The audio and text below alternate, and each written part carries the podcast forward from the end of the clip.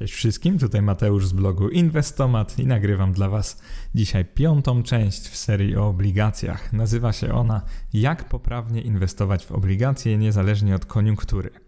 I powiemy sobie dokładnie o tym, o czym napisałem w temacie, czyli Przede wszystkim wyjaśnimy sobie te kwestie podważania tego autorytetu, sensu inwestowania w obligacje, które ostatnio wielu ekspertów tak zacięcie głosi, tego, że obligacje się skończyły, tego, że przez wielkich wykup przez banki centralne, który jeszcze winduje ich ceny, czyli sprawia, że ich rentowność, czyli to oprocentowanie roczne jest coraz, coraz to niższe i inwestor tak naprawdę inwestując w nie notuje pewną stratę. I to, co chciałem Wam dzisiaj przekazać, to to, że nie do końca tak jest, że moim zdaniem obligacje dalej spełniają swoją rolę, może trochę gorzej niż jeszcze rok temu, ale jednak są powody, żeby w nie inwestować. Są powody, żeby je trzymać i głównym powodem ku temu jest taka stabilność. I teraz pomówmy trochę o tym, jak podzielę ten podcast. Od razu ostrzegam, on będzie jednym z tych dłuższych, także zapaszcie sobie kawę, herbatę, weźcie sobie ulubione ciastko, na spokojnie usiądźcie, ponieważ uważam, że będzie to jeden z tych trochę dłuższych. Zobaczymy, może się wyrobię w godzinie, może to zajmie trochę dłużej. I przede wszystkim takim głównym konceptem, który chcę Wam wyjaśnić, to jest to, po co ludzie inwestują w obligacje, czyli po co w ogóle chcesz inwestować w obligacje. Powody ku temu są trzy i zaraz je bardzo dokładnie omówię. To będzie taka część miękka tego podcastu, ale uważam, że bardzo, bardzo istotna i uważam, że jeżeli nie zaczniemy od tego, jeżeli sobie tego nie zarysujemy dokładnie, to możemy później mówić o dwóch różnych rzeczach. Po prostu możemy się nie zrozumieć. Yy, następnie, w każdym z tych trzech celów, od razu Wam powiem, że pierwszym celem będzie przechowanie środków, czyli takie najbezpieczniejsze inwestowanie w obligacje. W zależności od tego, jaki macie cel, czyli na przykład jeżeli chcecie przechować środki, to w jaki sposób inwestować w obligacje, co kupić, kiedy, czego nie kupować, dlaczego tego nie kupować? I tak dalej, i tak. Następnie pomówimy sobie o drugim e, celu, drugim kierunku inwestowania w obligacje i to będzie inwestowanie w celu pokonania inflacji. I zauważcie, że to już cel jest zupełnie inny niż pierwszy, bo nie chodzi tylko o loka, takie lokatowe przechowanie środków, ale o coś dużo, dużo więcej, czyli żeby nominalnie, bezwzględnie wasza inwestycja pokonała inflację na złotym. I to już nie będzie wcale takie proste, jak zaraz usłyszycie. Trzecim powodem będzie inwestowanie dla wysokich odsetek, czyli coś w deseń właśnie akcji dywidendowych, czyli robimy sobie takie bardziej bezpieczne portfolio dywidendowe, czyli takie, którego ceny nie fluktuują tak bardzo jak spółek dywidendowych, ale jednak kupon tego portfolio, czyli ta dywidenda, te odsetki będą na tyle wysokie, że to może konkurować właśnie z dywidendami, które jako inwestorzy otrzymujecie przez lata. I to będą te trzy główne powody inwestowania, które sobie omówimy. I w tym podcaście, czego możesz się spodziewać, to tego, że właśnie w pierwszej części będziemy rozmawiać o takim najbezpieczniejszym inwestowaniu w obligacje, w drugiej części będziemy rozmawiać o pokonywaniu inflacji, a raczej próbie dokonania tego, bo jak, jak pewnie wiecie, to nie jest takie proste wcale w tych czasach. Natomiast w trzeciej części będziemy rozmawiać o inwestowaniu dla wysokich odsetek.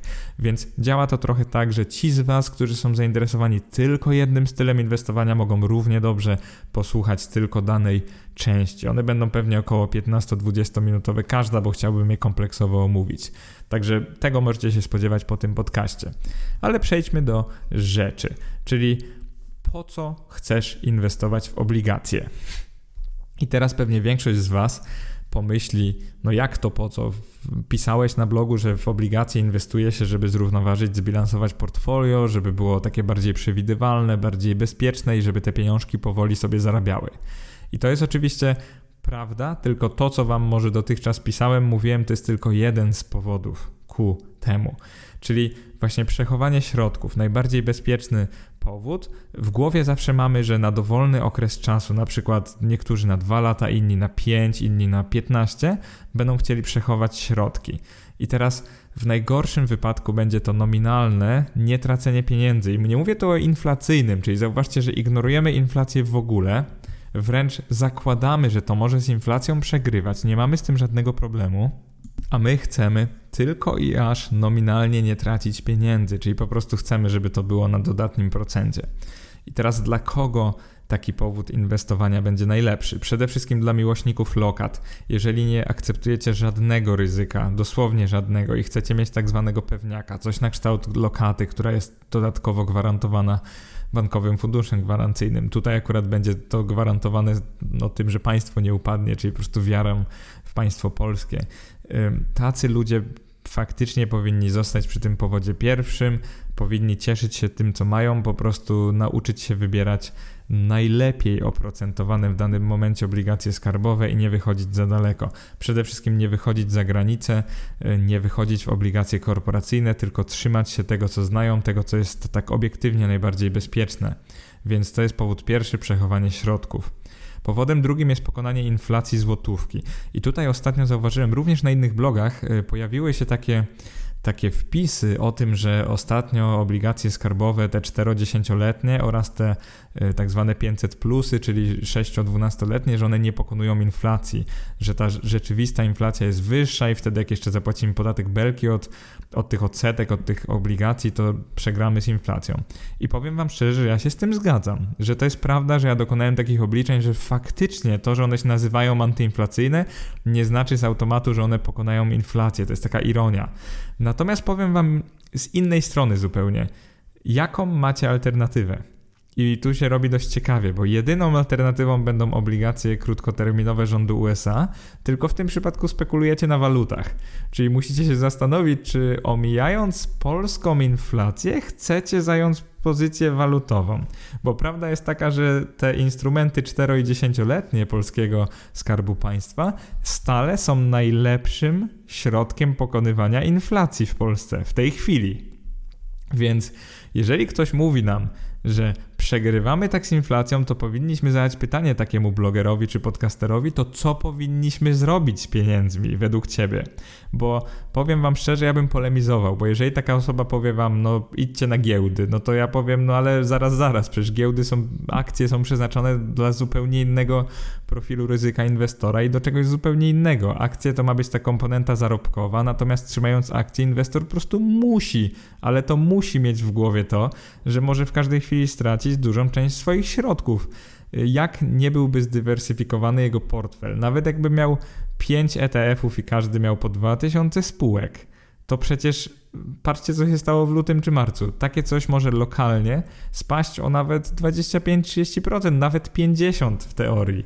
Więc jeżeli ktoś wam w dzisiejszych czasach mówi nie kupuj obligacji antyinflacyjnych, bo one przegrywają z inflacją, dużo lepiej wszystko mieć na giełdzie, bo giełda rośnie, no to powiem wam szczerze, że to nie jest najlepsza rada, ponieważ ja wam powiem inaczej. O wiele lepiej jest zaakceptować coś, co przegrywa z inflacją, ale i tak oferuje wam najwyższy procent na tym względnie bezpiecznym papierze, niż ryzykować całym portfelem na akcjach, na których naprawdę no nikt nie wie, co się jutro będzie działo. Więc ja zawsze mam podejście zdroworozsądkowe. Owszem, miejcie część inwestycji na akcjach, żeby nie żałować, żeby brać udział w tej takiej niby hoście, tak jak ja robię. Natomiast absolutnie nie słuchajcie ludzi, którzy wam powiedzą, że nie wiem, złoto i akcje są jakby bardziej bezpieczne niż obligacje, bo obligacje na pewno tracą. To jest uproszczenie myślowe i to po prostu zwodzi ludzi na manowce. To sprawia, że ludzie zaczynają podejmować za duże ryzyko, a naprawdę ostatnim, czego bym chciał, to to, żebyście podejmowali za duże ryzyko. Znacznie bardziej wolę, żebyście podjęli zbyt małe ryzyko niż zbyt duże. Także wybaczcie za dygresję, ale to jest bardzo, bardzo ważne w tym, w tym celu drugim, czyli pokonywaniu inflacji złotówki poprzez obligacje. Jeżeli chodzi o trzeci cel, jest on bardzo bliski mojemu sercu i mojemu stylowi inwestowania. On się nazywa maksymalizacja odsetek. To jest wariant ryzykowny. Tutaj inwestor godzi się z tym, że jednak pożycza pieniądze spółkom. One oczywiście oferują zwykle nominalnie wyższe oprocentowanie, natomiast inwestycja w to, inwestycja w nie wiąże się ze znacznie wyższym ryzykiem i to jest dość oczywiste dla ludzi, którzy już się znają na giełdzie. Natomiast dla ludzi, którzy dopiero się uczą, myślę, że to musi wybrzmieć, trzeba to głośno powiedzieć, że inwestycja właśnie w celu maksymalizacji odsetek poprzez obligacje korporacyjne wiąże się jednak z dużym ryzykiem. Są fluktuacje cen, są czasami bankructwa, tak zwane defaulty, spółki nie spłacają swoich kuponów czasami, więc jeżeli zainteresujesz się tą sferą, to naprawdę będziesz musiał, musiała, będziecie musieli stać się takimi trochę ekspertami w zarządzaniu ryzykiem, będziecie musieli umieć je ocenić. Więc to by było na tyle, jeżeli chodzi o wytłumaczenie, jak będzie podzielony ten, ten podcast i jakie trzy powody są takimi głównymi powodami inwestycji w obligacje. I myślę, że w tym momencie mogę też już zapowiedzieć, o jakich aktywach będziemy w ogóle rozmawiać, czyli o jakich instrumentach finansowych. Zacznijmy od tych najbardziej bezpiecznych, czyli przechowanie środków. Jeżeli chcesz przechować środki, tak jak Wam mówiłem, ja trochę pomówię w tym podcaście o obligacjach skarbowych USA, tak żeby Wam wyjaśnić, jak one działają, o tych aukcjach i tak dalej. Natomiast powinniście inwestować w polskie obligacje skarbowe i nic więcej. Po prostu w danym momencie wybierać te, które są najlepiej oprocentowane i nie wychodzić na zagranicę i nie wychodzić na korporacyjne, bo tutaj możecie naprawdę wylać dziecko z kąpielą poprzez takie, wiecie, zawarcie zbyt ryzykownych transakcji i nagle obudzenie się, że wy nie przechowujecie środków, tylko naprawdę ryzykujecie tymi środkami, a tu nie o to chodzi. To są te środki, które chcecie wyjąć, na przykład w kryzysie, żeby kupić tanie akcje. To są dokładnie te środki. Wy chcecie je przechować. Więc w tym pierwszym właśnie powodzie, pierwszej ścieżce inwestowania w obligacje będziemy rozmawiać tylko o polskich skarbówkach. W drugiej ścieżce, czyli pokonywaniu inflacji złotowej, będziemy mieli tak naprawdę trzy instrumenty do wyboru. To będą polskie obligacje skarbowe antyinflacyjne, czyli tu mamy te dwa 4 i 10-letnie, więc trochę pomówię o różnicy, trochę je sobie porównamy, zbadamy komu się które bardziej opłacają. Natomiast jeżeli myślisz o krótkim terminie, takim rok, dwa lata, to równie dobrze można kupić ETF na zagraniczne obligacje skarbowe o krótkich terminach. Zaraz Wam wyjaśnię, dlaczego krótkich terminach, dlaczego nie długich, e, czym się różnią i jakie ryzyko byście ponieśli, gdybyście w tym momencie na przykład kupili obligacje rządu USA na 20 albo 30 lat. Wszystko Wam zaraz wyjaśnię, także mam nadzieję, że zrozumiecie to po prostu perfekto do końca tego podcastu i będziecie sami ekspertami w dziedzinie.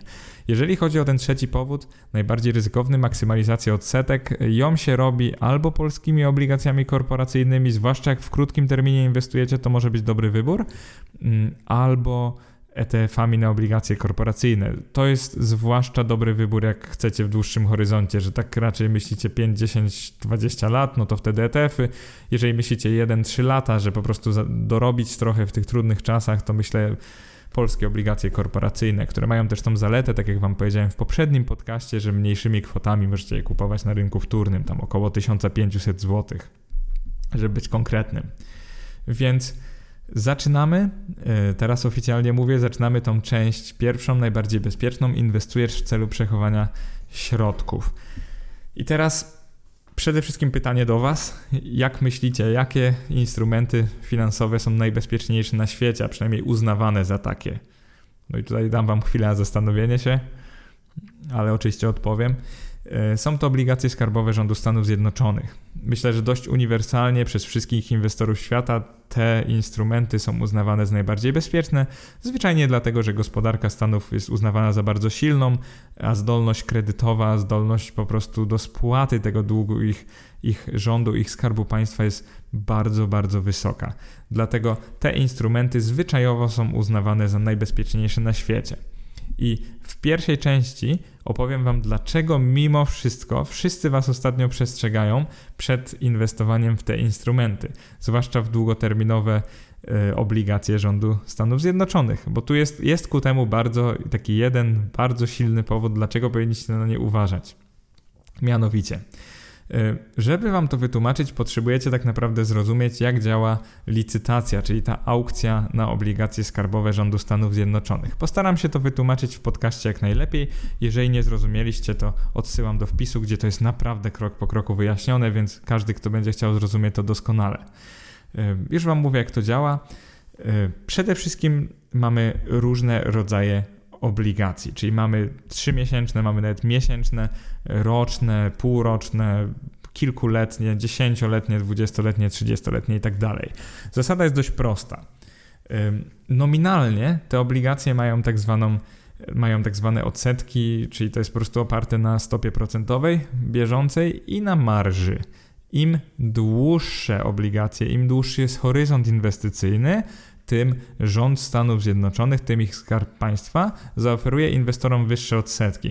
I to się nazywa właśnie ta krzywa rentowności słynna. Dam wam przykład, że na przykład w tej chwili, jak byśmy kupowali te kilkumiesięczne, to będziemy mieli oprocentowanie takie 0,1% w skali roku, czyli bardzo, bardzo niskie. Natomiast jeżeli byśmy kupili teraz 30-letnie, y, to będziemy mieli nawet około 2%, tam nawet powyżej, jeżeli dobrze pamiętam. Więc i teraz pytanie, dlaczego tak jest? Dlaczego obligacje długoterminowe, mimo tych niskich stóp procentowych, oferują tak wysokie, takie stałe, wysokie oprocentowanie? Odpowiedź jest bardzo prosta, ponieważ przez 20 lub 30 lat jest bardzo wysoka szansa, że w pewnym momencie będziecie mieli wyższe stopy procentowe. I tutaj podkreślam, że te obligacje są stałoprocentowe. Tam w ofercie jest napisane, po tych obligacjach inwestor może oczekiwać takiej i takiej stopy zwrotu, takiej takiej, e, takiego i takiego kuponu w każdym roku inwestycji i tyle. Natomiast czym się też tą cenę jakby, czym się rentowność modyfikuje? Ceną. To jest licytacja, więc przychodzą inwestorzy, e, to są inwestorzy indywidualni, to są inwestorzy instytucjonalni, takie jak na przykład duże banki i to jest też Fed, ten słynny, czyli po prostu Bank Rezerwy Federalnej Stanów Zjednoczonych. I Fed ostatnimi czasy jest największym takim licytantem. On po prostu skupuje dług rządu, tak jakby wspierając go, że po prostu dając mu te darmowe pieniądze do, do inwestowania w co tam potrzebuje. Czyli jest ta teoria właśnie keynesistów, że jak rząd pompuje pieniądze w gospodarkę, to, to jest świetnie i mamy wieczną hossę. Między innymi z tego powodu właśnie ostatnio też rosną y, rynki akcji. Po prostu ludzie wierzą w giełdy, bo, no bo Fed ma takie, pompuje pieniądze zarówno w rząd, jak i w korporacje, skupuje aktywa takim trochę pustym pieniądzem. I właśnie w ten sposób, jak Fed się pojawia na licytacji, to mamy taką kombinację, że nie dość, że mamy bardzo niskie mm, to oprocentowanie nominalne, czyli bardzo niski kupon, to jeszcze Fed winduje te ceny na tych aukcjach. I sobie wyobraźcie, że ostatnio właśnie była aukcja e, tych obligacji antyinflacyjnych i one miały cenę nominalną 100. No i Fed wywindował tą cenę do 111 w horyzoncie 10 lat. I teraz każdy, kto sobie dokładnie policzy, to zobaczy, że taka inwestycja jest kompletnie nieopłacalna, że dopiero od jakiejś bardzo wysokiej wartości inflacji ona by się opłacała. Czyli tak naprawdę mamy dwa czynniki ostatnio, które sprawiają, że ta inwestycja w obligacje skarbowe rządu Stanów Zjednoczonych jest zwyczajnie dość mało opłacalna na dłuższą metę. Powiedziałbym, że wręcz ryzykowna. I teraz pytanie, w jaki sposób to jest ryzykowne? No przecież obligacje skarbowe działają tak, że e, pożyczamy właśnie rządowi na przykład 100 dolarów, no i po latach rząd nam odda 100 dolarów i w międzyczasie mamy te odsetki. Ryzyko polega na czymś zgoła innym. Jeżeli wiecie już, jak działają ETF-y na obligacje skarbowe, to powinniście też prześledzić, co się działo z ceną ETF-ów, z ceną jednostki ETF-a na obligacje skarbowe rządu Stanów Zjednoczonych w lutym i w marcu tego roku, ponieważ działa to mniej więcej w ten sposób, że jak inwestorzy czują ryzyko i uciekają właśnie wtedy do bezpiecznych aktywów, no to nie są wybredni i nie patrzą aż tak na oprocentowanie tych obligacji. Czyli wyobraźcie sobie, że wystąpił też taki owczy pęd, że inwestorzy po prostu zaczęli uciekać w kierunku nawet dość słabo oprocentowanych, ale jednak obligacji. Powin y, po prostu przerzucali swój kapitał z akcji na obligacje, już nie patrząc na to, że one nie są jakoś super super rentowne. I teraz co się stało wtedy? Nastąpiło takie coś, że ceny ETF-ów, które trzymają te obligacje już, już trwające, zaczęły znacząco rosnąć. I teraz Wam wyjaśnię, dlaczego ceny ETF-ów, które mają obligacje krótkoterminowe, urosły tylko trochę, a długoterminowe urosły bardzo.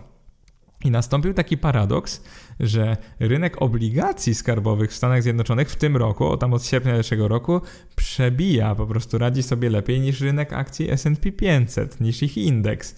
I dlaczego tak się stało? I tu jest bardzo proste wytłumaczenie. Po prostu te trwające emisje, bo zauważcie, że ETF obligacji, on posiada trwające emisje już tak przez lata. Wyobraźcie sobie, że on po prostu naśladuje indeks, czyli skupuje każdą następną emisję obligacji. Czyli na przykład jak posiadacie już od lat, tak jak na przykład ja kupiłem w zeszłym roku, tak transparentnie na blogu wam napisałem, że kupiłem gdzieś koło listopada, grudnia, no właśnie obligacje skarbowe US. No i przez ETF-a to zrobiłem i kupiłem te długoterminowe. No i wyobraźcie sobie, jakie było moje zdziwienie, jak zobaczyłem w marcu, że one są 12% na plusie. To nie jest normalne, że obligacje, które mają ci płacić 2%, nagle taki ETF jest 12% na plusie. No i pytanie brzmi, jak to się stało? No i to jest dość proste. Po prostu ten ETF, dzięki temu, że posiada stare emisje, płaci kupon właśnie w wysokości około 3%. No i wyobraźcie sobie, że alternatywą będzie kupienie obligacji w tej chwili, które płacą na przykład 0,6%. No to w oczywisty sposób, jak inwestor sobie policzy, przez ile lat ten ETF będzie płacił wyższe odsetki, no to wyjdzie mu, że powinien być więcej wart. I z tego samego powodu te ETF-y na krótkoterminowe, czyli te od roku do trzech, właśnie one się nazywają one, one to three years, te ETF-y wzrosły, ich ceny wzrosły najmniej, bo nawet niecałe 4%. To jest właśnie ten efekt, że zauważcie, jak szybko te obligacje trwające, czyli o lepszym oprocentowaniu, będą zastąpione tymi gorszymi i inwestorzy się tego spodziewają. Dlatego cena wzrosła tylko nieznacznie. Więc teraz pytanie do Was. Jeżeli chcecie przechować środki i nie ryzykować za dużo, bo po to jesteście w tej części podcastu, to czy przypadkiem inwestowanie w taki ETF, który wzrósł kilka procent tylko dlatego, że spadły stopy procentowe, tylko dlatego, że te bieżące emisje są po prostu o wiele mniej rentowne, czy chcecie ryzykować tym, że Fed no wiecie, przestanie skupować, albo tym, że po prostu podnos, podniosą stopy procentowe w Stanach Zjednoczonych i nagle tyle samo, co wzrosło w marcu, po prostu stracicie. No bo jakby nie patrzeć, wycena tego ETF-a wtedy spadnie. I oczywiście, żeby być z wami super fair, oczywiście wycena jego spadnie, ale będziecie wtedy mieli wyższe kupony z czasem, więc to się jakoś tam zrównoważy. Natomiast no, nikt nie chce inwestować w obligacje skarbowe rządu USA, które są podobno takie bezpieczne, i mając gdzieś tam z tyłu głowy takie ryzyko, że jak tylko podniosą stopy, no to wartość tych ETF-ów znacząco spadnie, bo po prostu tak będzie. No to, to jest zwykła teoria obligacji. To, to nie jest żadna spekulacja, to, to jest naprawdę pewne, tak jak wynik tego działania 2 razy 2 na przykład, jak się często mówi. Więc y, no, to raczej nie wychodzi 3, y, więc śmiało możecie założyć, że tak będzie. I teraz jakie jest jeszcze dodatkowe ryzyko, jeżeli chodzi o obligacje skarbowe rządu USA? No one są w dolarze, czyli nie dość, że macie ryzyko walutowe, bo wy pożyczacie rządowi Stanów dolar amerykański, a nie złotówkę. Czyli zauważcie, że jeżeli chcecie przechować środki, no to pytanie po pierwsze, czy wy chcecie wtedy grać walutowo, czy wy chcecie w ogóle trzymać dolar, a nie złotówkę, bo naprawdę nie wiadomo, co będzie z kursem. Może być dużo wyżej niż dzisiaj, może być dużo niżej. Czyli nawet jakbyście dokonali jakby inwestycji we właściwe obligacje skarbowe z fajnym procentem rocznym, to przecież one równie dobrze mogą walutowo stracić, nie wiem, 10% wobec dzisiejszego kursu. W każdym momencie i może wyjść, że nie wyjdziecie na plus nawet przez kilka lat. Więc moja rada jest bardzo podobna do tej rady kredytowej słynnej, czyli do frankowiczów, czyli jeżeli zarabiasz i żyjesz w złotówkach, no to inwestuj w złotówkach w sensie przynajmniej większą część inwestuj w złotówkach. No bo oczywiście są wyjątki, uciekanie od inflacji i tak dalej. Tak naprawdę niektórym inwestorom bardzo pasuje dolar i nawet mogą mieć wszystko w dolarze, a mieszkać w Polsce. To bardzo zależy od stylu życia i tego, co planujesz w przyszłości. Natomiast jeżeli e, Twoim tym pryncypium jest bezpieczeństwo, to naprawdę myślę, że w tej chwili, jeżeli w ogóle inwestować w obligacje Stanów Zjednoczonych, to nie z tego powodu. E, zaraz Wam powiem dlaczego i one, one się pojawią też w inwestowaniu w celu pokonania inflacji. I wielu z Was pytało mnie o te słynne tipsy, czyli obligacje antyinflacyjne Stanów Zjednoczonych, żeby trochę je porównać do tych zwykłych obligacji skarbowych. No i ja faktycznie poświęcę im teraz chwilę, żebyście po prostu rozumieli, jaka jest różnica, ponieważ ten podcast ma być kompleksowy w ogóle o inwestowaniu w obligacje, więc wyjaśnię Wam, jaka jest różnica właśnie między tipsami a tymi zwykłymi obligacjami, tymi treasury notes albo bonds. Zależności od czasu. Te, te pierwsze to są 10-letnie, drugie 20-letnie, jeżeli dobrze kojarzę.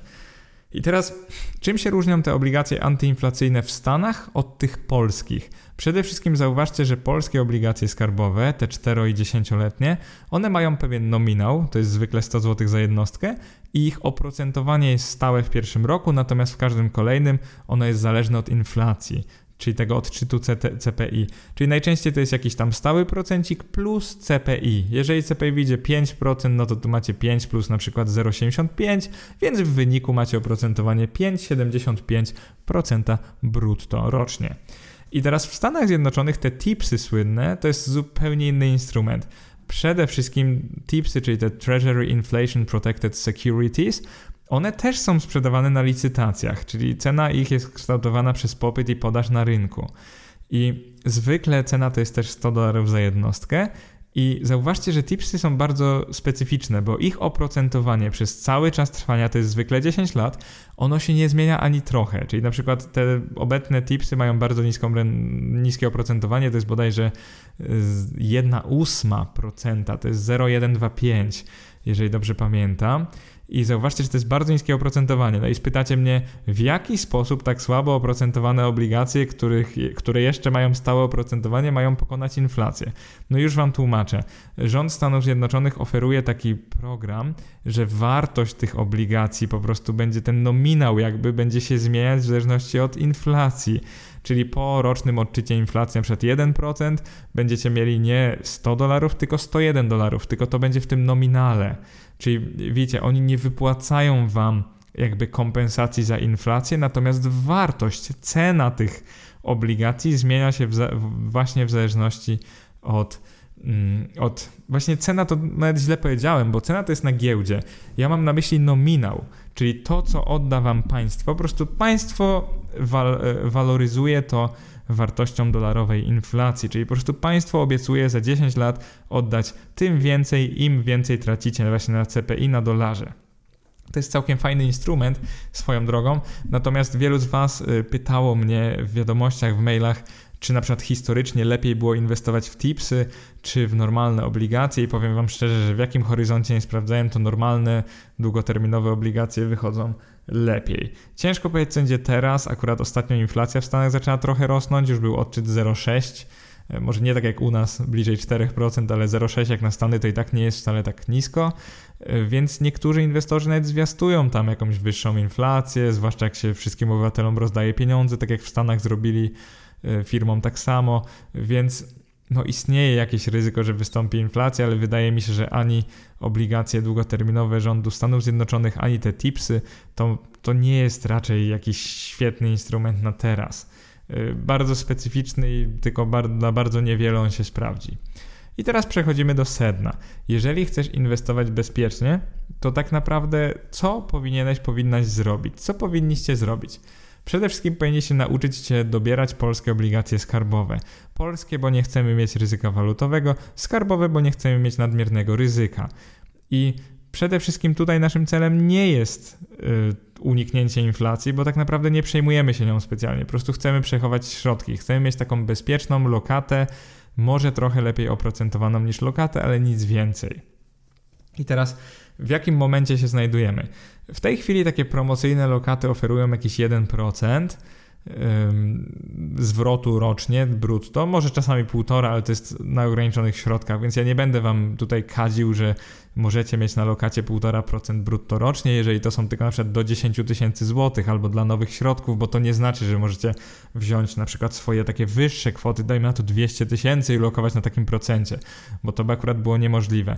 I zauważcie, że dla zwykłych rachunków oprocentowanych to jest też jedna setna procenta, 0,01%, mm, to jest teraz takie właśnie nominalne oprocentowanie, no bardzo niskie, tak, tak jakby w ogóle nie dostajecie e, procentu, no jeszcze nie musicie płacić bankowi za przechowywanie waszych złotówek, no ale to niestety zmierza w tym kierunku.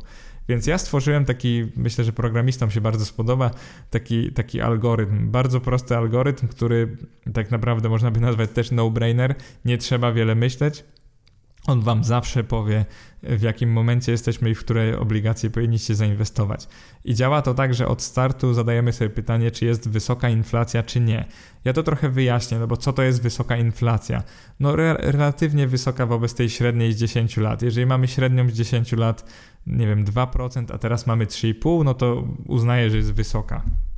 No to wtedy nie zastanawiacie się i po prostu inwestujecie w obligacje antyinflacyjne. To jest tak proste. I oczywiście niektórzy to podważą, ale zaraz wam wyjaśnię, dlaczego to powiedziałem. Jeżeli nie ma wysokiej inflacji, czyli jeżeli byśmy mieli teraz inflację, nie wiem, 1% na przykład, to musicie sprawdzić, czy mamy wysokie stopy procentowe.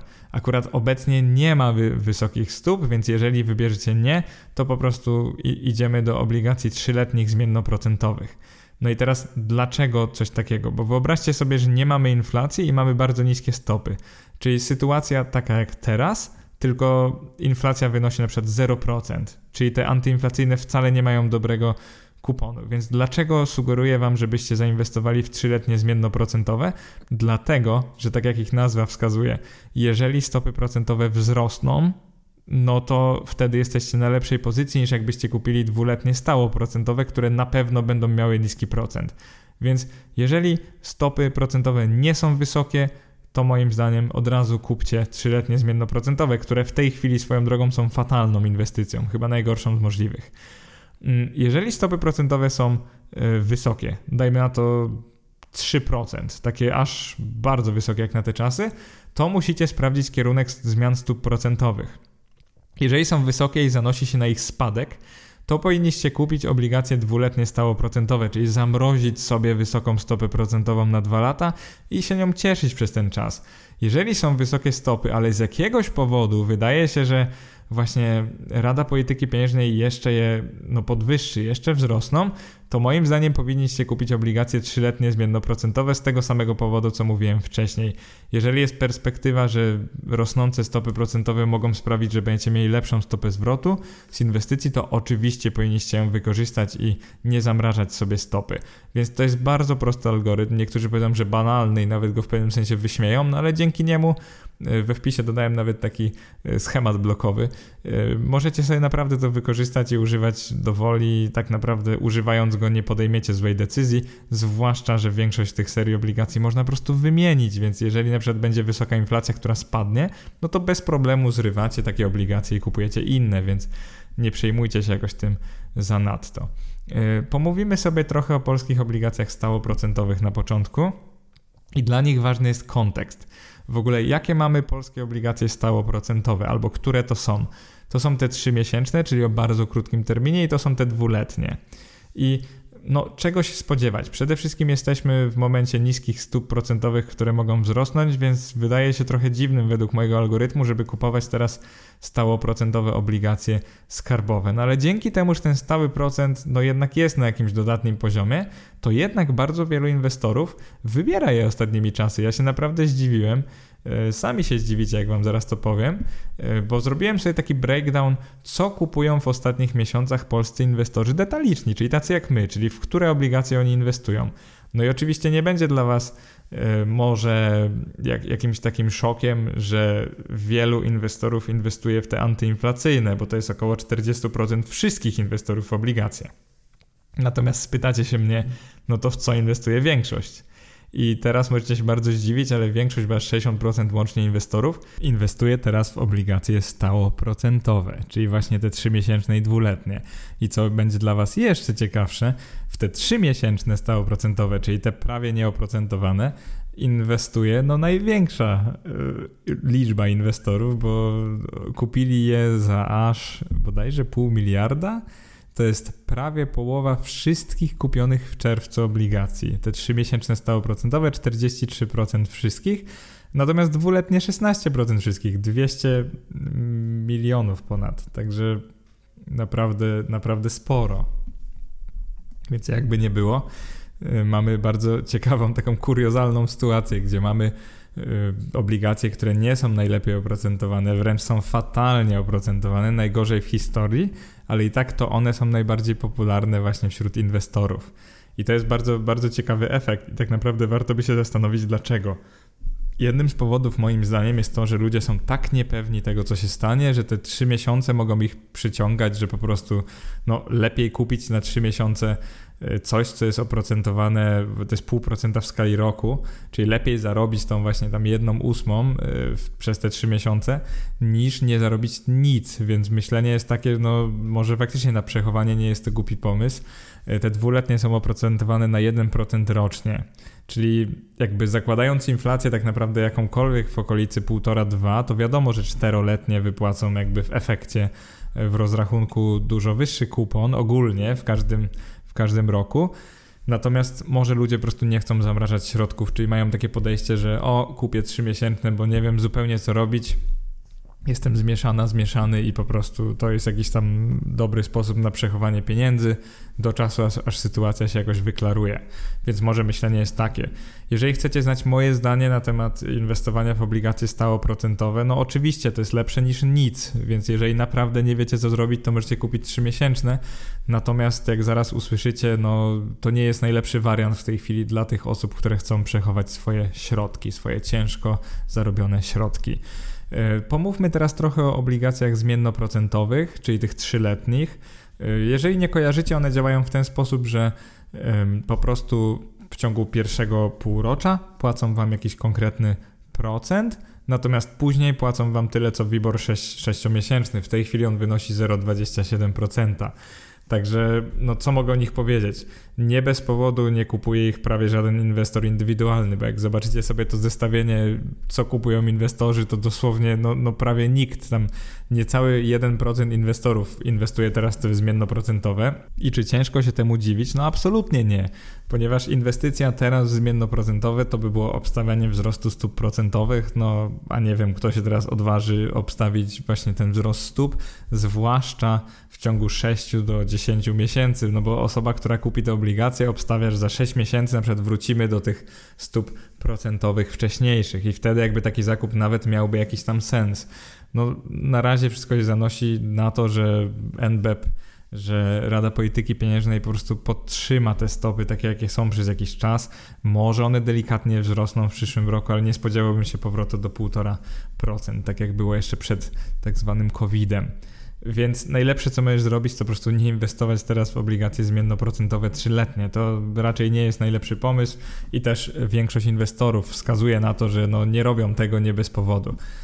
W ogóle bardzo podoba mi się takie podejście, że sprawdziłem statystykę, w co inwestują właśnie drobni inwestorzy, bo zauważcie, że no, gdzieś tam mądrość tłumu się uśrednia i myślę, że wskazuje, w co warto inwestować. To nie jest tak, że tłum zawsze ma rację, ale mimo wszystko ta racjonalność decyzji jakaś tam jest. I właśnie jak już idziemy za tłumem, zauważcie, że tłum dość licznie kupuje 4 i 10-letnie obligacje antyinflacyjne. Aż 32% wszystkich detalicznych, którzy kupili obligacje skarbowe polskie, jakiekolwiek, kupiło obligacje 4-letnie w czerwcu. Natomiast około 7% wszystkich inwestorów kupiło obligacje 10-letnie. I tutaj nawiążę też do, do innych blogów, które ostatnio na przykład porównują te obligacje. Zauważyłem też taką tendencję, że no często się oblicza tą jakby obiektywną stopę zwrotu i wychodzi, że zarówno czteroletnie, jak i dziesięcioletnie przegrają z inflacją. I to jest, i to jest faktycznie no, prawda w pewnym sensie, natomiast y, warto porównać, które z nich są lepsze. I zauważcie, że 10-letnie można zerwać w dowolnym momencie, natomiast to kosztuje 2 zł za jednostkę, czyli 2 zł na każde, na każde 100 zł. I teraz przy założeniu reinwestowania odsetek, w tej chwili to wygląda tak, że no już od pierwszego roku, jak założymy sobie inflację taką nieco niższą niż teraz, ja założyłem sobie 2,6% za przyszły rok, 2,3% za 2022 i 2% za 2023.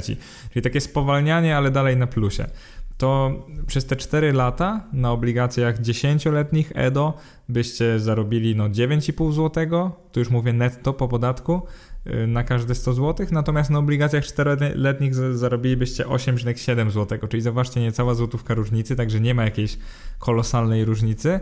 Natomiast jakbyście wtedy na końcu chcieli, bo zauważcie, że po 4 latach oczywiście państwo skupuje od was te 4-letnie, czyli zarobiliście to 8,70, państwo skupuje wasze 100 zł, jest fajnie, macie zarobek. Natomiast jeżeli chcielibyście przerwać te 10-letnie, no to niestety zapłacicie 2 zł, czyli z tych 9,5 zł zrobi się 7,5, czyli będziecie jakby na minus wobec czteroletnich. Czyli tak jak niektórzy właśnie blogerzy zarzucają tym czteroletnim, że one są obiektywnie gorsze od dziesięcioletnich, ja się z tym zgadzam, że jakby nie liczyć, dziesięcioletnie są lepiej oprocentowane tak obiek w obiektywny sposób.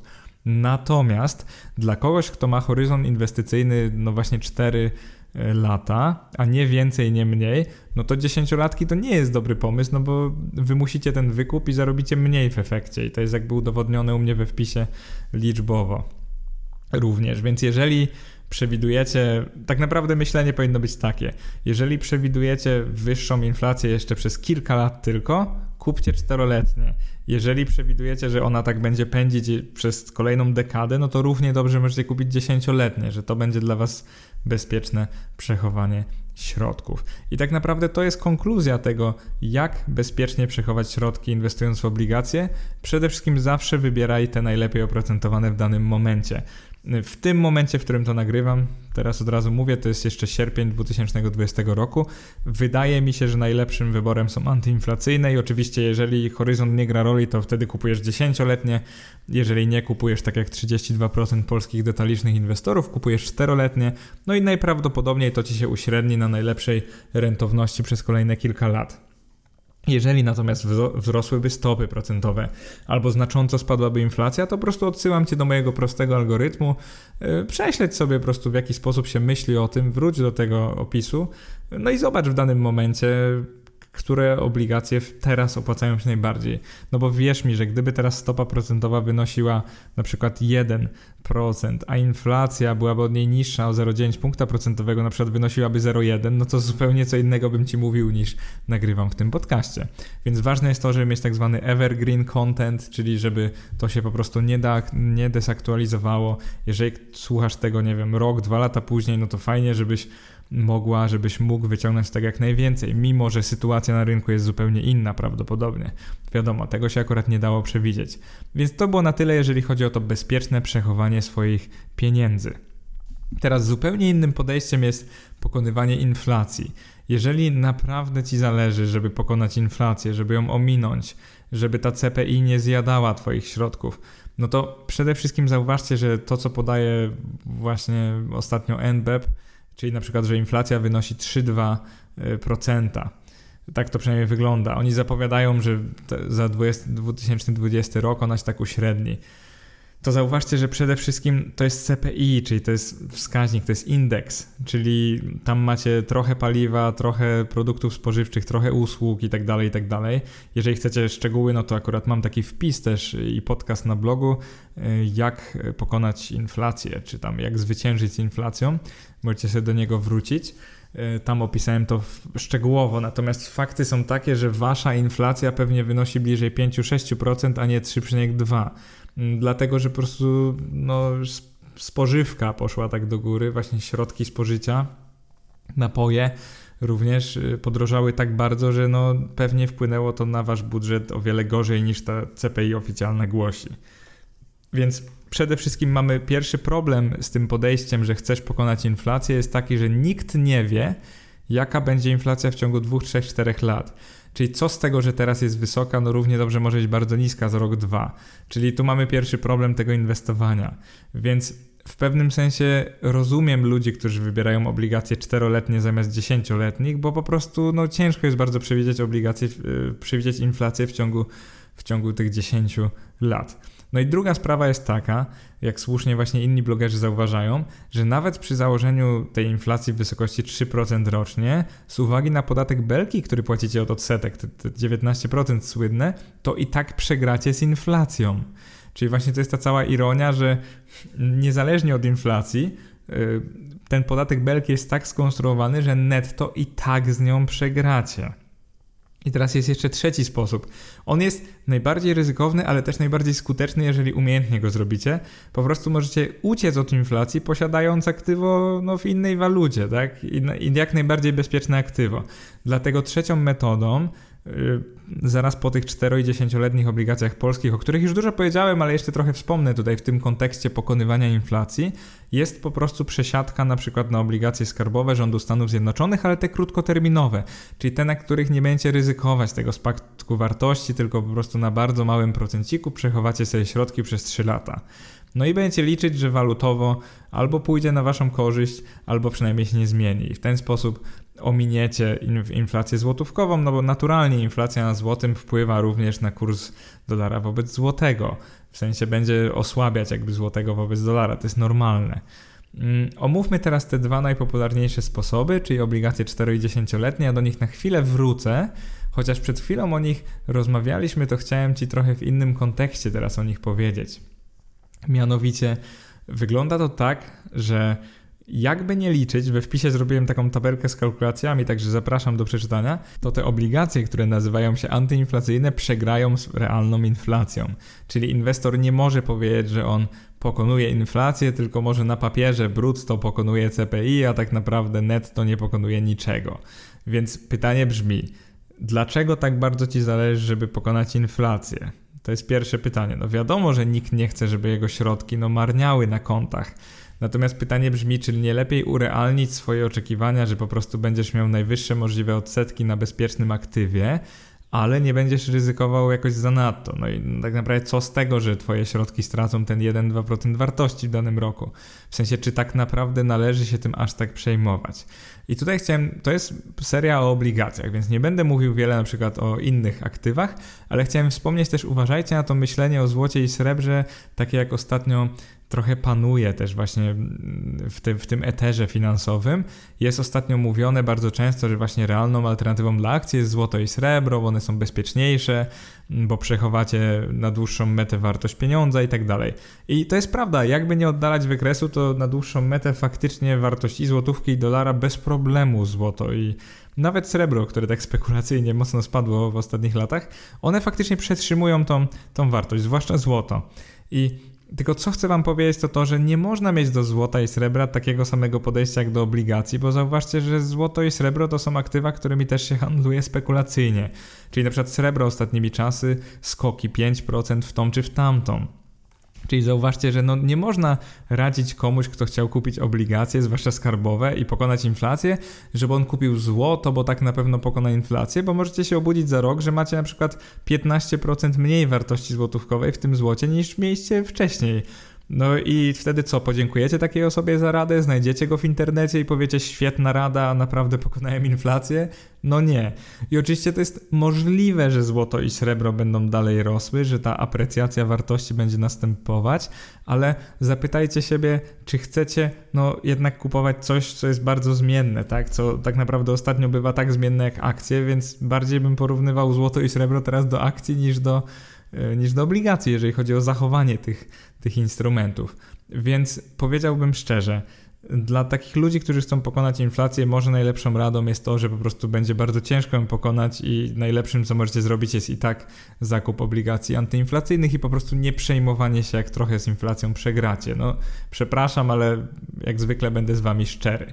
Natomiast, jeżeli uważacie, że polska waluta będzie się osłabiała, że dolar będzie się umacniał, że może z tego kursu około 3,7 on znowu wróci w te okolice, nie wiem, 4 i się będzie tam utrzymywał przez parę lat, no to możecie zainwestować w ETF na obligacje skarbowe rządu Stanów, ale tych o krótkich terminach, czyli te słabo oprocentowane obligacje, ledwo powyżej zera. I teraz dlaczego w ogóle Wam radzę wtedy te obligacje, a nie zakup tak zwanego suchego dolara, suchej waluty. No z tego powodu, że jak już macie w jakiejś walucie, no to żeby to chociaż trochę procentowało, a nie leżało odłogiem. Więc z tego powodu powiedziałbym, że jeżeli obstawiacie, że złotówka będzie mocno marnieć, nie, no również przez inflację, ale nie tylko, że po prostu przez dodruk właśnie spowoduje to nawet może hiperinflację, w co akurat wątpię, Głównie dlatego, że jak historia pokazuje, o hiperinflację się w cudzysłowie walczy, koniec cudzysłowu, latami. Czyli jakby to nie jest takie coś, co się tworzy przez rok, tylko naprawdę trzeba to rozhuśtać bardzo. Więc to, to chcę Wam powiedzieć, że jeżeli obstawiacie, że dolar będzie no, silny i że będzie taką światową nominalną walutą dalej, to może dobrym pomysłem jest zakup ETF-a na obligacje skarbowe rządu Stanów o krótkich terminach. Bo tak jak Wam mówiłem, krótkich terminach, czyli nie ryzykujecie tak bardzo spadkiem wartości tego ETF-a. Oczywiście, jak tylko wzrosną stopy, to on spadnie o te 2-3%, natomiast nie będzie to taki drastyczny spadek jak w przypadku długoterminowych. Czyli jeżeli chcecie pokonać inflację złotówkową, to absolutnie Wam nie polecam, nie polecam kupowania tych e, ETF-ów na obligacje skarbowe długoterminowe, no bo po prostu w pewnym momencie stopy wzrosną i wtedy to Wam może zniweczyć, to Wam może zniwelować cały ten zysk, który mieliście przez te wszystkie lata, więc no tego byście na pewno nie chcieli. Y, oczywiście dla kogoś, kto ma ten horyzont 20-letni, no to to nie wpłynie na nic, no bo to się uśredni, nowe emisje będą miały wyższe oprocentowanie i po prostu wyjdzie na swoje taki inwestor. Natomiast jeżeli tymczasowo chcecie pokonać polską inflację, to tak naprawdę jedyną realną alternatywą dla tych polskich skarbówek 4 i 10-letnich są po prostu ETF-y na zagraniczne obligacje skarbowe i to jest raczej rząd USA i raczej krótkie terminy. I tak naprawdę tym moglibyśmy skonkludować część o pokonywaniu inflacji. No i muszę Was niestety zawieść, no bo jak wiecie, nie ma jakiejś stabilnej, bezpiecznej metody na pokonywanie inflacji e, w tym momencie, ale tak naprawdę w żadnym, bo to, to zależy od zbyt wielu czynników. Czasami zwykłe obligacje pokonają inflację, nawet stałoprocentowe, a czasami nawet inflacyjne, czyli te antyinflacyjne, czyli te tipsy i, i 4 i 10 latki w Polsce będą miały problem, żeby tą inflację pokonać, więc po prostu bardzo ciężko to przewidzieć. Więc co zrobić, tak jak Wam powiedziałem? Jeżeli obstawiacie siłę dolara, możecie się pokusić o te ETF-y na obligacje krótkoterminowe rządu Stanów. Jeżeli bezpiecznie Wam jest trzymać w złotówkach, no to kupcie dokładnie tak jak w punkcie pierwszym, czyli w celu przechowania środków, kupcie po prostu te antyinflacyjne polskie obligacje.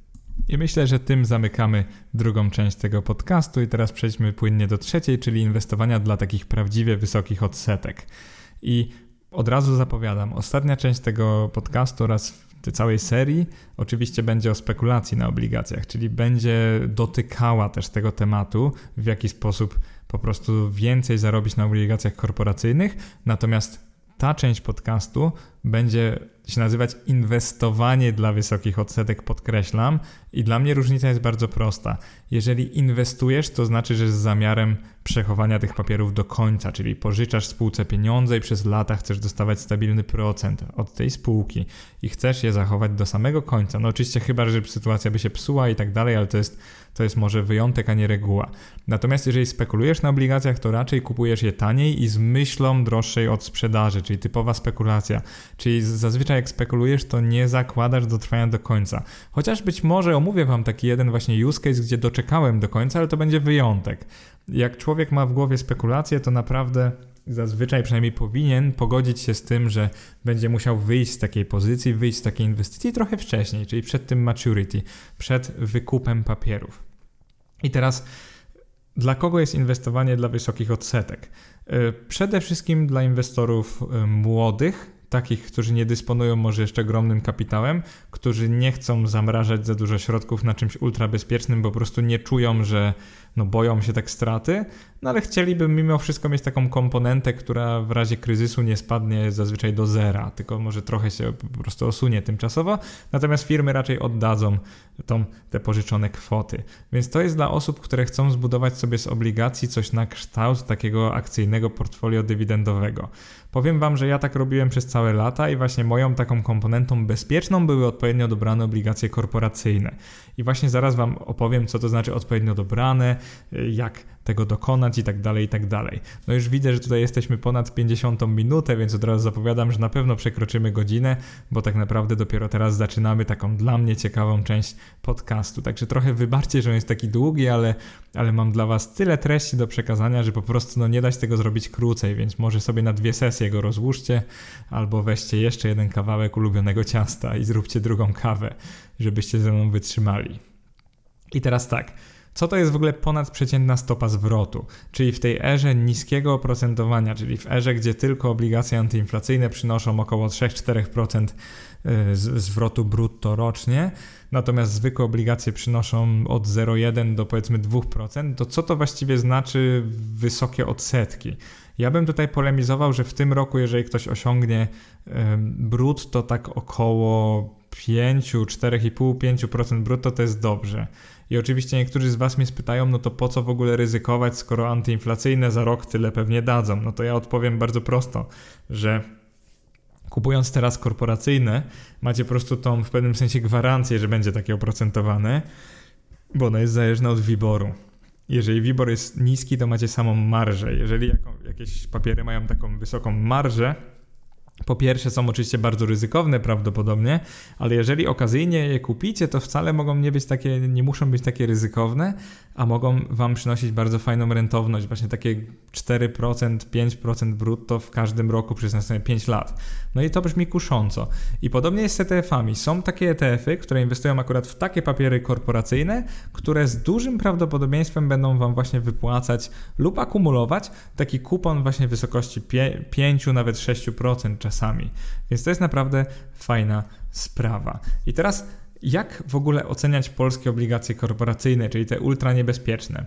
I tutaj fajnie we wpisie Wam przygotowałem takie trzy listy, czyli po prostu zrobiłem sobie Excela ze wszystkimi obecnie notowanymi seriami obligacji korporacyjnych na rynku Catalyst. Sprawdziłem, jaki mają kupon w tej chwili, sprawdziłem, jaki mają kurs na giełdzie, no i z tego wyszła mi ta rentowność do wykupu brutto. To jest tak zwane YTM, po polsku YTM brutto, po prostu to znaczy Yield to Maturity, czyli to po prostu znaczy, że do tego momentu wykupu, jeżeli kupicie dzisiaj po tej obecnej cenie, to ile one naprawdę będą Wam procentować rocznie brutto. Y, dam Wam przykład. Są takie obligacje Getin Noble Bank 0723. One w tej chwili są sprzedawane na giełdzie za 81 zł, a ich kupon to jest około 5. Więc przez to, jak, jakby inwestor kupił je po te faktycznie 81 zł, to prawdziwa ich rentowność dla niego to będzie 13%, a nie 5%. Oczywiście z założeniem, że za 3 lata Getin spłaci, że wykupi te obligacje. To wtedy inwestor ma naprawdę taką wysoką rentowność. I teraz czego oceną jest właśnie ta rentowność? Zauważcie, że jeżeli ceny czegoś na giełdzie są takie niskie, to sprawia, to znaczy to, że inwestorzy w to nie wierzą. Więc jeżeli chodzi o te obligacje o najwyższej rentowności brutto, tej prawdziwej, czyli nie kuponie, tylko właśnie tym YTM, no to, to, to jest bardzo proste. Jeżeli przesortujecie i zobaczycie te takie najle, najwyżej oprocentowane, no to tam jest najwyższa szansa bankructwa emitenta, tak? Tak ocenia rynek. Więc naturalnie radzę Wam unikać tych najwyżej oprocentowanych, chyba że spekulujecie, ale to jest zupełnie w innym względzie wtedy inwestujecie. I teraz właśnie na, na co przede wszystkim patrzcie. Z jednej strony na bazową wartość kuponu, czyli są takie obligacje, które już przy emisji oferowały na przykład kupon 7 albo 8%. Nawet w tym roku taki wychodzi, wyobraźcie sobie. No to co znaczy, jeżeli emitent musi oferować tak wysoki kupon? No, że ma kłopoty finansowe, że po prostu nie ma alternatywy i musi zaoferować taki kupon, bo inaczej nikt nie kupi tych papierów. Nikt mu nie pożyczy pieniędzy. Więc pierwsza zasada brzmi tak: sprawdzaj zawsze bazową wartość kuponu. Jeżeli jest bardzo wysoka, to unikaj takich papierów, bo to jest po prostu zły znak. I teraz jaki jest drugi zły znak? Chyba, że spekulujesz, tylko teraz inwestujemy. Przypominam, że jesteśmy w, w podcaście, w którym inwestujemy wspólnie. Obniżona cena obligacji na rynku, tak zwane dyskonto. Czyli właśnie przykładem są te obligacje Getin Noble Bank, tak jak Wam mówiłem. Jeżeli one mają dyskonto na przykład 20%, czyli coś w teorii wartego 100 zł, jak jest sprzedawane po 80, no to oznacza to, że inwestorzy w to nie wierzą, że po prostu spodziewają się dużej szansy upadłości, czyli to jest naprawdę zły znak. Więc jeżeli poważnie podchodzicie do inwestowania w obligacje, to absolutnie nie ruszajcie e, tych obligacji z najwyższym właśnie wskaźnikiem ITM brutto, ponieważ on właśnie oznacza, że coś jest ryzykowne. I teraz z drugiej strony, jeżeli spojrzycie sobie na takie obligacje korporacyjne o najniższym tym wskaźniku, na przykład PKO Bank Hipoteczny wydał takie, które teraz dają niecały procent. GPW też ma takie obligacje, które teraz płacą niecały procent po tej obecnej cenie. Podobnie jest też na przykład z firmą PKN Orlen, 1-2%, z M-Bankiem to jest około 2% i tak dalej. E, to są bardzo bezpieczne obligacje, wszystko co wymieniłem, natomiast e, no, ta stopa zwrotu jest taka, że spytacie się, no po co w ogóle wtedy kupować obligacje korporacyjne, jeżeli jest taka niska stopa zwrotu i na skarbowych antyinflacyjnych będzie wyższa. I tu macie całkowitą rację, dlatego w ogóle pomijam ten temat. Yy, tak naprawdę te naj, najniżej oprocentowane też możecie po, po, prostu odfiltrować, bo nie widzę jakiegoś powodu, czemu macie pożyczać pieniądze firmie, co jest jednak bardziej ryzykowne, a nie państwo, jeżeli będziecie mieli niższą stopę zwrotu. I tutaj zupełnie inaczej, naprawdę zupełnie inaczej jest z tymi pośrodku stawki, czyli jak sobie przykład odfiltrujecie takie, które przynoszą około 4% tego ITM brutto, YTM, tutaj są takie firmy, w które inwestorzy jakby nie było wierzą w pewnym sensie. One są po, sprzedawane po tej cenie nominalnej. Często po prostu mają oprocentowanie od 4 do 5% brutto rocznie. Niezależnie od stóp procentowych, w sensie taka jest po prostu marża. E, to jest mniej więcej ten rejon, w którym ja inwestuję od lat. Tak naprawdę, jak odpowiednio dywersyfikuję, to nigdy się nie naciąłem jeszcze. Nie ma tu takich firm pokroju Getback, stopa zwrotu jest bardzo fajna. Tak naprawdę nie wiem, co mogę Wam jeszcze powiedzieć. Po prostu wybieram z tego zakresu. We wpisie macie nawet taką listę, bo ja specjalnie przefiltrowałem, żeby Wam dać przykłady. No ja Wam nie mówię, że z tej listy nic nie zbankrutuje, bo musicie sami wykonać pracę domową. Zaraz Wam powiem jak. To będzie już za chwilę. Natomiast e, to jest ten zakres, od którego powinniście moim zdaniem zaczynać. Czyli jeżeli już inwestować w obligacje korporacyjne polskie, no to przyjrzyjcie się raczej tym o tej średniej rentowności, czyli nie patrzcie na te najwyżej e, oprocentowane, nie patrzcie na te najniżej, bo po prostu to się trochę mija z celem, jedno i drugie. Jedno jest zbyt ryzykowne i równie dobrze możecie kupić akcje, jak lubicie ryzyko, a drugie jest po prostu no, zbyt ryzykowne jak na swoje oprocentowanie takie niskie, tak? No to po prostu kupcie skarbówki wtedy jeżeli takie coś chcecie robić. No i teraz wracamy do sedna. Inwestujesz dla wysokich odsetek, chcesz zainwestować w obligacje korporacyjne. Tylko tutaj wspomnę, że można je kupić przez każde konto maklerskie, więc jeżeli jeszcze nie masz do tego konta, no to zapraszam do założenia e-maklera tym przyciskiem z mojego bloga. Tam zakładasz e-konto, później e-maklera. Napisałem taką specjalną instrukcję, więc jeżeli jesteś pogubiona, pogubiony, to po prostu przeklikaj sobie, tam masz krok po kroku, jak to się robi, wypełnia wszelkie ankiety i tak dalej. E, ja dostanę za to jakieś 50 zł od ten banku, także wielkie dzięki, zawsze coś będzie na hosting, jak to mówię, nie? Bardzo dziękuję każdemu, kto założy takie konto z mojego linku. E, kontynuując, e, pytanie brzmi: jak zatem poprawnie inwestować w obligacje korporacyjne?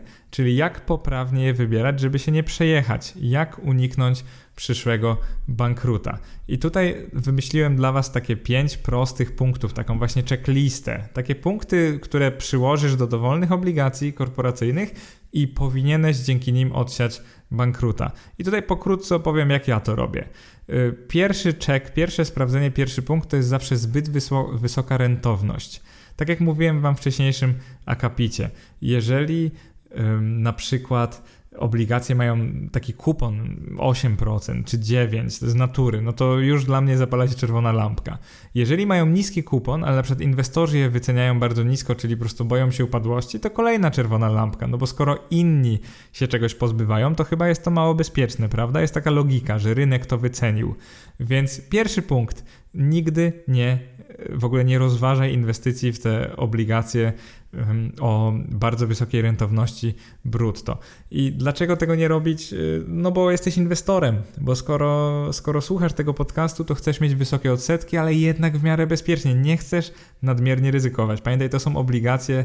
Y, ostatnie, czego chcesz, to bankructwo emitenta, więc jakby musisz od tego uciekać, więc dobrą metodą, pierwszy punkt, odsiewaj te, które mają zbyt wysoką rentowność. Drugi punkt, myślę, że bardzo otwierający oczy, nazywa się zbyt wiele trwających emisji. Zauważ, że każda firma, na przykład taki Getback kiedyś miał tych emisji naprawdę mnóstwo, dajmy na to 20-30 trwających emisji. No i teraz co to znaczy, że firma ma wiele trwających emisji? To nic innego, że w dowolnych momentach czasu, po prostu odsuniętych od siebie, firma pożyczała to więcej, to mniej pieniędzy. Często to oznacza tak zwane rolowanie długu, czyli że firma nie zarabia na ten dług, nie spłaca go z tych zysków operacyjnych, natomiast spłaca go z kolejnego długu. I firmy na polskiej giełdzie, Catalyst niestety często tak robią, że mają bardzo wiele trwających obligacji, trwających emisji oczywiście miałem na myśli, na przykład 20 lub 15, no i to jest wtedy bardzo zły sygnał, no bo zauważcie, że firmie będzie ciężej spłacić aż tyle tych emisji niż na przykład jedną, dwie czy trzy. Więc druga zasada, moja zasada mówi, że jeżeli firma ma więcej niż 5, y, może nawet 3 trwające emisje obligacji, to bardzo na nią uważam. Z drugiej strony, i teraz punkt trzeci, jeżeli firma ma zbyt mało zakończonych sukcesem emisji, no to to jest trochę odwrotność poprzedniego punktu. Wyobraźcie sobie, że jest mała spółeczka i ma tylko jedną emisję i nie ma żadnej historii. I tutaj chodzi o historię. Sprawdzaj, ile takich emisji spółka już spłaciła. I właśnie idealnym takim case'em tutaj będzie spółka, która ma trwające przykład dwie emisje, a w historii spłaciła już 7 i jest na kataliście od, nie wiem, od wielu lat. Jeżeli znajdziecie coś takiego, to zazwyczaj to jest prawdziwa perełka i prawie na pewno spłaci, bo ma taką renomę i wcale nie jest bardzo zadłużona. To jest oczywiście mało, to nie jest obiektywne jeszcze, ale to jest jakiś tam wyznacznik. Natomiast najgorzej, jak macie jedną trwającą emisję, nigdy nie było żadnej, nic nie wiecie o spółce i może to jest jeszcze spółka z OO, bo takie też mogą być notowane na Catalyst. Y, więc no, może być bardzo nieciekawie. Więc patrzcie na historię spółki, na historię jej zadłużania się na takim rynku. Kolejny punkt to jest zdrowy bilans. Bilans, o tym pewnie jeszcze nie, nie no, mówiłem w tych metodach y, analizy papierów wartościowych, to jest część sprawozdania finansowego. To jest ta część, w której spółka y, listuje po prostu swoje aktywa i pasywa, czyli po prostu chwali się tym, co w niej zarabia pieniądze, jakby czego używa do zarabiania pieniędzy, to są aktywa, no i pasywa, czyli z czego finansuje te aktywa, jakby skąd pochodzą środki, czy to jest na przykład środki własne, na przykład akcje, y, czy to jest dług czyli po prostu na przykład obligacje lub jakiś kredyt krótkoterminowy. Zdrowy bilans to nie będę się jakoś rozwodził nad tym, ale podpowiem, żebyście sobie sprawdzili wskaźniki płynności, wskaźnik ogólnego zadłużenia, przepływy operacyjne, czy były dodatnie przez kilka lat i tak dalej, i tak dalej. Czyli po prostu nauczcie się czytać bilans. To jest bardzo przydatne. Zanim zainwestujecie w obligacje, sprawdźcie, ile już jest trwających, jak bardzo zadłużona jest spółka i sobie po prostu w głowie przeliczcie, jaka jest szansa takiej Y, upadłości po prostu i unikajcie takich spółek. Y, nie będę mówił w szczególe, bo tak jak mówię, to jest generalna checklista, ma Wam pomóc, natomiast w przyszłym, tym szóstym podcaście z tej serii myślę, że trochę bardziej się rozgadam na ten temat. Ostatnim punktem piątym jest oczywiście dobry zarząd i przyszłościowa branża, czyli nie wyobrażam sobie inwestycji w coś, jeżeli według mnie zarząd nie jest umiejętny, a branża nie jest przyszłościowa. Czyli zobaczcie, czym się zajmuje spółka, na przykład jak pożyczacie jej pieniądze na 5 lat, to zastanówcie się, czy w ciągu 5 lat nie ma jakichś większych ryzyk, e, na przykład e, jej działalność nie zależy bezpośrednio od ceny jakiegoś surowca, albo konkurencja zagraniczna może wejść do Polski i po prostu zmieść tę firmę z rynku i tak dalej, i tak. Więc szukajcie tych bardziej stabilnych spółek. Na przykład jest y, wiele firm deweloperskich, mam na myśli deweloperkę mieszkaniową i wyobraźcie sobie, że kolejna firma deweloperska emituje obligacje. No i sprawdźcie, czym, jaką ona ma przewagę rynkową, jakby na czym ona zarabia pieniądze jakby wobec innych firm. Co sprawi, że inne firmy jej po prostu nie pokonają i dalej będzie się rozwijać i zwróci wasze pieniądze za 5 lat. Więc poświęćcie chwilę, przeczytajcie kilka sprawozdań finansowych, y, poszukajcie jakichś wywiadów y, z, z tymi, z zarządem firmy, na przykład z prezesem i trochę się zainteresujcie po prostu. Nie róbcie tak, że kupujecie, bo jest dobrze oprocentowanie, a później po paru latach nie, Mateusz, co ty mówiłeś, rynek katalyst jest niebezpieczny, same bankructwa. Y, gwarantuję wam, że jak spędzicie nawet godzinę na tych pięciu punktach, bo to nie musicie cały dzień siedzieć, to nie będziecie żałować. To kupicie dużo lepszą emisję niż jakbyście nie spędzili tej godziny. I teraz ostatni już y, wariant inwestowania, jeżeli chcecie dla wysokich odsetek inwestować, i nie chcecie ponosić bezpośredniego ryzyka upadłości emitenta i samemu dywersyfikować portfela, czyli jeżeli chcecie mieć wbudowaną dywersyfikację, no to oczywiście mamy ETF-y, czyli pasywne fundusze, które inwestują w obligacje korporacyjne. Jako, że o ETF-ach nagrałem całą serię, to postaram się Wam bardzo krótko opowiedzieć, bo mówię, to nie jest seria o ETF-ach, więc króciuteńko. ETF-ów na zagraniczne obligacje korporacyjne przez po polskie konta maklerskie macie ponad 20, jeżeli dobrze liczę, bazując na mojej liście. Większość z nich jest typu distributing, czyli dokładnie wiecie, jakie płacą dywidendy, właśnie one pochodzą z tych odsetek z obligacji. E, kilka jest typu accumulating, czyli jak chcecie mieć spokój z rozliczaniem podatkowym, to kupcie raczej te drugie. I jako ciekawostkę podam Wam, że są fundusze, które w roku 2019 wypłaciły E, miały tą rentowność, czyli wypłaciły dywidendę w wysokości nawet ponad 5%, około 6%. To były tak zwane Fallen Angels. To są po prostu spółki ze Stanów, które mają bardzo niskie ratingi, czyli są bardzo ryzykowne, no ale jednak jakby na tyle, na tyle mało, że większość z nich jednak wypłaca te kupony i na tyle jest duża dywersyfikacja, że jeżeli upadnie kilku emitentów, to nic się nie stanie. I teraz to jest bardzo kuszące, bo jak weźmiecie to pod uwagę, że po pewnej cenie dało się kupić takiego ETF-a i mieć później właśnie dywidendy takie 4, 5, 6%, tylko oczywiście przy jakimś ryzyku walutowym, jak zawsze, no to pytanie wtedy brzmi, czy w ogóle warto samemu wybierać polskie obligacje korporacyjne. I powiem Wam szczerze, do jakich wniosków doszedłem, że tak naprawdę obydwa instrumenty mogą Wam przynieść podobną stopę zwrotu, tak realistycznie jakieś 4-5% brutto w ciągu roku, w ciągu kolejnych lat. Natomiast y, własny wybór polskich obligacji korporacyjnych jest trochę trudniejszy, no i ponosisz tu inne ryzyka, bo tutaj masz ryzyko bankructwa emitenta. No i problematyczna jest dywersyfikacja, no bo nawet jak jesteś indywidualnym inwestorem i chcesz odpowiednio dywersyfikować, no to mało kto kupi na przykład obligacje więcej niż 10 emitentów. No i wyobraź sobie, że tutaj masz 10 firm.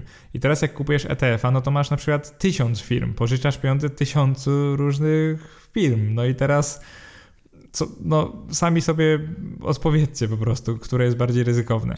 Natomiast kupując ETF na obligacje korporacyjne ponosisz ryzyko walutowe, tak jak wcześniej mówiłem. Więc w pewnym remedium będzie wybieranie funduszy globalnych, czyli na przykład takie Global Corporate Bond High Yield, jeżeli takie coś znajdziecie. Czyli możecie po prostu upewnić się, że ma proporcje na różnych rynkach, no i jakby szansa jest mała, że złotówka spadnie wobec każdej waluty, tak mi się wydaje, więc możecie po prostu sobie to tak dywersyfikować, że kupicie globalny fundusz obligacji korporacyjnych. No minusem to jest to, że on jest jakby trochę gorzej oprocentowany najczęściej, że jednak ta rentowność jest trochę niższa, jest tam bliżej 2-3% niż 5-6. No ale coś za coś jak zawsze. Czyli jak to mówią po angielsku pick your poison, wybierz swoją truciznę. Y, powiem Ci szczerze, że jeżeli jesteś w punkcie, gdzie chcesz inwestować dla wysokich odsetek, to bez ogródek Ci mówię, musisz podjąć ryzyko. Nie zrobisz tego bez ryzyka, bo jeżeli by się dało, to te obligacje nie płaciłyby tak dużo y, kuponu, tak? Nie musiałyby. Więc bez jakichś ogródek, szczerze jak zwykle w moim podcaście, bez ryzyka nie osiągniesz takich stóp zwrotu. Natomiast jak najbardziej je osiągniesz, jeżeli po prostu spokojnie i z czasem będziesz właśnie inwestować na przykład w ETF-y, na zagraniczny dług korporacyjny. I teraz jeszcze taka krótka instrukcja, jak dobrać właściwy ETF. To będzie bardzo proste. Przede wszystkim y, patrzcie na typ dywidendowy, czyli bierzcie accumulating tylko jeżeli nie chcecie rozliczać się z dywidend, a distributing jeżeli chcecie otrzymywać dywidendy, jeżeli rozliczenie podatkowe to zagraniczne nie jest dla Was problemem. Y, patrzcie na koszty, czyli oczywiście total expense ratio ma być jak najniższe. Porównajcie sobie wykres z benchmarkiem, na przykład na Morningstar y, i zobaczcie, czy w ogóle ten ETF pobija taki indeks, czy po prostu radzi sobie gorzej. Mm, później wybierajcie jak najwyższą płynność, czyli sprawdzajcie średnie obroty, sprawdzajcie wartość aktywów, im wyżej tym lepiej, bo będzie Wam łatwiej kupić i sprzedać, więc spready będą niższe, więc po prostu taniej kupicie taki fundusz. No i oczywiście niskie ryzyko walutowe, ostatni punkt. Y, patrzcie na to w jakich walutach, czyli patrzcie na to firmom z jakiego kraju pożycza pieniądze taki ETF, że tak powiem. Bo zauważcie, że ETF kupuje obligacje, czyli pożycza pieniądze firmom jakby nie było. E, więc spróbujcie sobie zdywersyfikować waluty, czyli zamiast tylko Stanów, na przykład jakiś globalny i tak dalej, i tak dalej, bo wtedy jest mniejsza szansa, że jakby wszystkie waluty zyskają wobec złotówki. I to by było mniej więcej na tyle, jeżeli chodzi o ten proces, e, proces doboru e, takich, takich obligacji. I tak naprawdę, jakie wnioski można wysnuć z całego tego wpisu? Przede wszystkim takie, że musicie zacząć od obrania tego celu, czyli musicie zastanowić, po co inwestujecie w obligacje, bo zupełnie inne podejście jest, gdy inwestujecie w celu przechowania środków, zupełnie inne jest, gdy inwestujecie, by pokonać inflację, i jeszcze odmienne jest, jeżeli chcecie mieć wysokie odsetki. I jakby moim zdaniem zupełnie inny rodzaj inwestora będzie inwestował na te trzy sposoby, dlatego błędem jest to, co ostatnio się dzieje, że na przykład mówi się ogólnie o obligacjach, że są bardzo ryzykowne i nie warte świeczki, bo jeżeli ktoś ma pewien profil ryzyka, na przykład chce mieć wysokie odsetki, ale nie chce ryzykować spadku wartości akcji jakiegoś pięciokrotnego, który jakby nie było może nastąpić w każdej chwili, o czym ostatnio zapominamy, bo wszystko rośnie yy, przysłowiowo na giełdach, no to tak bez ogródek wam mówię, że po prostu nie macie alternatywy, musicie podjąć ryzyko zainwestowania w polskie obligacje korporacyjne albo w ETF-y na zagraniczny dług korporacyjny. Po prostu nie ma innej opcji. Tak samo jak wam powiedziałem, jeżeli chodzi o inwestowanie w celu pokonania inflacji, musicie po prostu zdroworozsądkowo zaakceptować, że być może jej nie pokonacie. Czyli jeżeli nie chcecie za dużo ryzykować, no to nie ryzykujcie, bo lepiej jest trochę stracić na inflacji i po prostu lepiej jest, żeby wasze środki były lekko zżarte. Ja nie mówię, że to jest dobrze, ale to jest lepsze niż jakaś utrata realna wartości, czyli jakbyście zaryzykowali. Więc tutaj naprawdę przestrzegam was przed tymi, którzy ostatnio mówią, że złoto, srebro, przyszłość i na pewno będą rosły, bo nikt nie wie, czy będą rosły.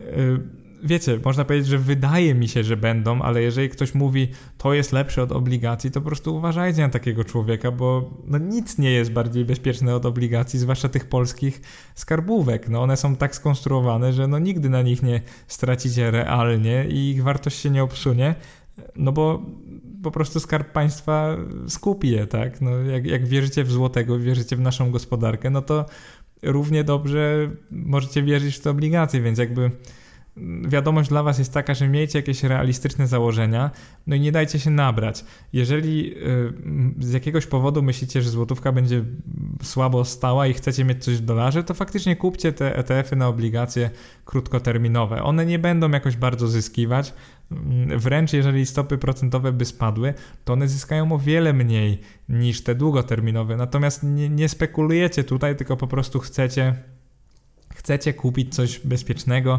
co być może pokona złotową inflację i wtedy to jest dobry wybór, bo po prostu wartość, cena tych ETF-ów nie spadnie aż tak bardzo, jeżeli stopy by wzrosły. To jest to, o czym Wam wcześniej mówiłem. Warto to pojąć, warto to rozumieć. Dlaczego w tym podcaście w ogóle Wam nie, tutaj nie, mm, nie sugeruję tych długoterminowych obligacji skarbowych, a tylko te krótkoterminowe, to żebyście rozumieli, dlaczego to robię. I teraz ostatnim punktem, czyli to bezpieczne inwestowanie w celu przechowania środków, tak trochę od końca podsumowuję, to powiem wam tylko tyle, że no tipsy, czyli te inflacyjne z punktu widzenia polskiego inwestora są trochę dziwne, no bo tak naprawdę po co polski inwestor miałby walczyć z dolarową inflacją?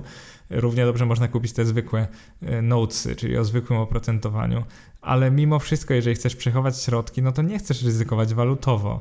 Ja bym powiedział, że jak ktoś przechowuje środki, to powinny być one w złotówce.